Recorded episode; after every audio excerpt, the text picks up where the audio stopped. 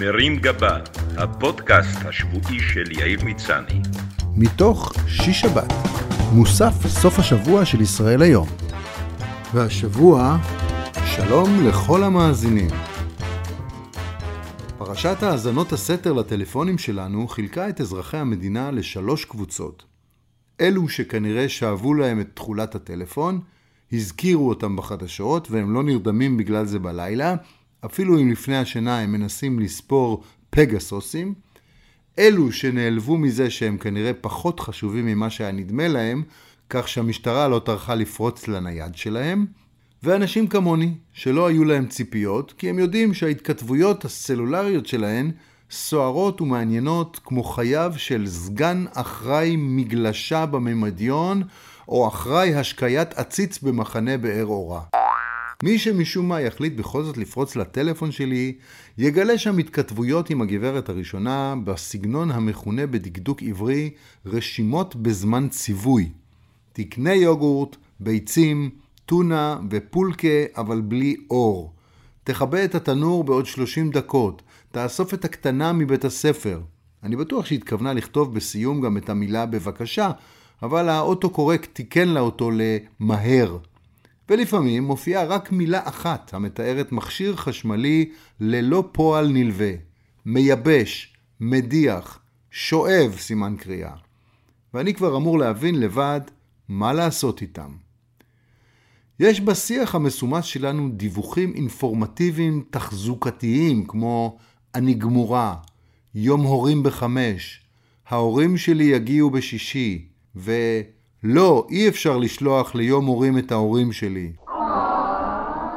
יש גם תהיות פילוסופיות כמו איפה אתה? למה אתה תמיד מאחר? שילמת לו?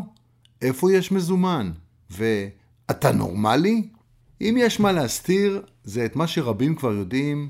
אני למעשה עובד קבלן של רעייתי בתנאי שכר מסונג'רים שלא היו עוברים שום איגוד מקצועי, כולל בתקופת העבדות. בכל מקרה, אני משתתף בצערו של מי שיקבל לידיו את המשימה לתמלל את הטקסטים שלנו בלי להירדם בתחילת המשמרת. ההתכתבויות שלי עם בנות המשפחה הצעירות הן לא יותר מעניינות.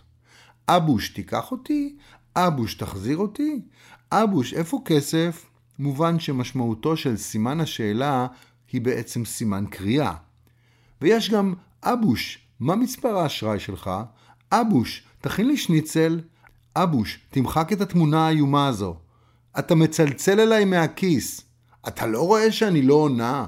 אני עסוקה. במה אני עסוקה? בלסנן אותך. ואבא, הטור שלך מביך. Thank you. מי שמחפש עניין קצת יותר גרפי, ימצא אותו אולי בהתכתבויות שלי עם רופאים. שם יש בעיקר שאלות היסטריות בסגנון דוקטור, זה נראה לך ממאיר?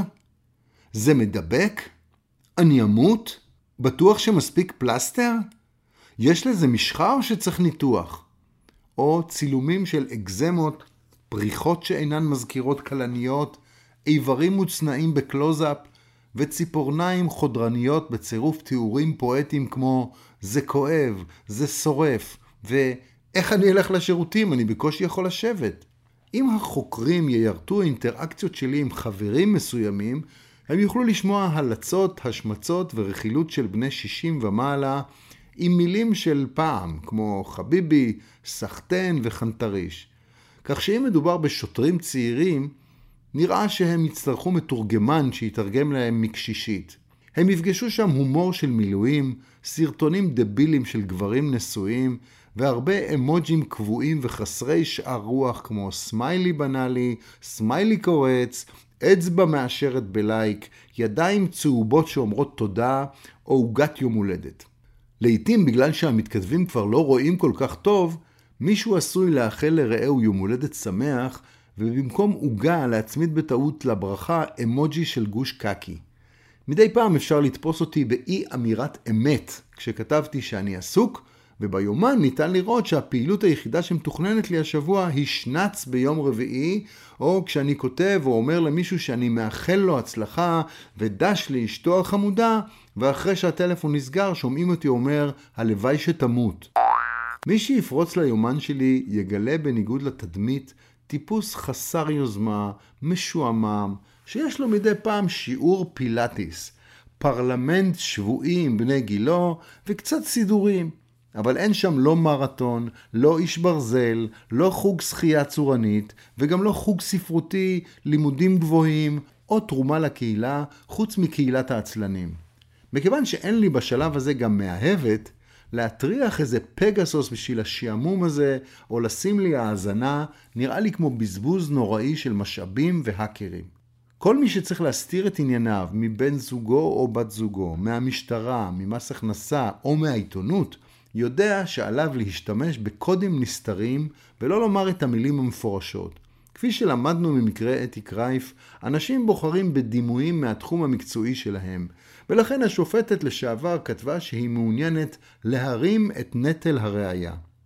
מבחינת הצד השני והנשוי, היה מדובר כנראה יותר בנטל הראייה, כשהכוונה כנראה עסיסית בהרבה.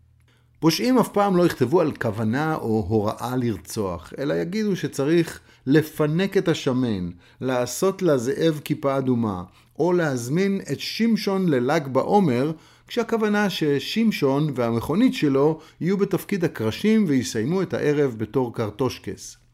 אני מניח שאם יש שיח רומנטי בין אנשים מענף האינסטלציה, זה יהיה משהו כמו חלמתי בלילה על הסיפון שלך, אני מת לטפל לך בנזילה עם שייבה ומפתח צינורות. בנקאים יכתבו, הפיקדון שלי עומד, אשמח להיצמד לך למדד. ואם זה רומן בהייטק, אז מה את אומרת שנעשה אקזיט מהמשרד, אני אדלבר אותך למלון ואקמפרס אותך על המיטה עם הנאסד"ק שלי. What? אבל יש כאן דבר והיפוכו, ובעידן החדש רובנו לא רק שלא שומרים על צניעות ופרופיל נמוך, אלא גם עובדים בשיווק, הפצה ויחצון עצמי, כך שלא ברור מה בדיוק יש לאנשים להסתיר. אם גם ככה, כל נפיחה שלהם מונצחת באינסטגרם. קצת מוזר להתלונן על אובדן הפרטיות, אם חצי עולם יכול לראות אותך רוקד כמו דביל בטיק טוק, וכל הרהור פילוסופי בנאלי שלך בסגנון היום ט"ו בשבט ואני מרגיש כמו עץ שרוצה להפוך לשידה, עובר מהמוח ישר לפייסבוק, ומשם לאלפי אנשים שעכשיו תוהים למה אתה לא יכול לשתוק כמו עץ. היום הפער בין סלבריטיז לבין אנשי ציבור הולך ומטשטש. אם דודי אמסלם ויפעת שאשא ביטון יכולים לבשל קציצות בריאליטי בפריים טיים, יכול להיות שכשהם מבטיחים לפעול למען הציבור, הם מתכוונים לציבור הפפרצי.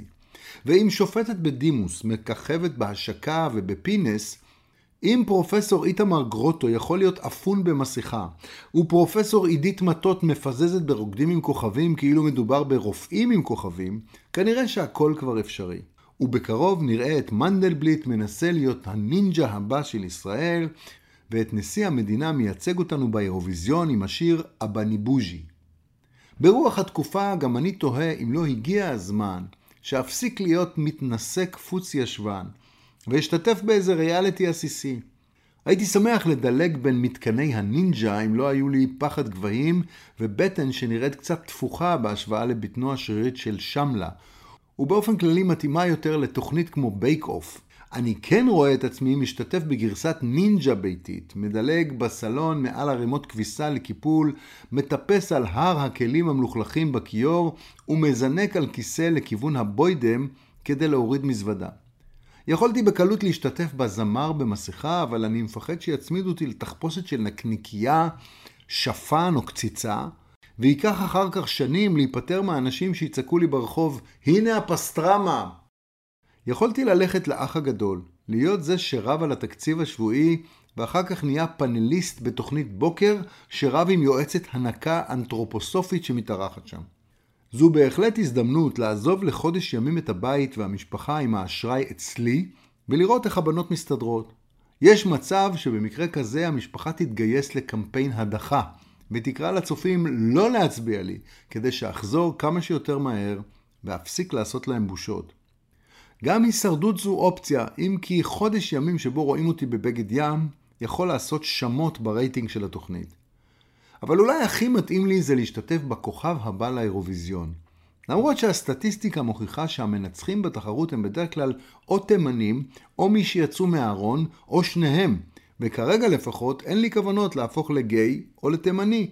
מצד שני, בתקופה שבה מחפשים מקוריות, כדאי לזכור שעוד לא שלחנו לאירוויזיון נציג עם משקל עודף וכזה שגם מייצג בגאווה את קהילת הקרחים, וממש לא מסתתר בארון כמו כל בעלי הפאות.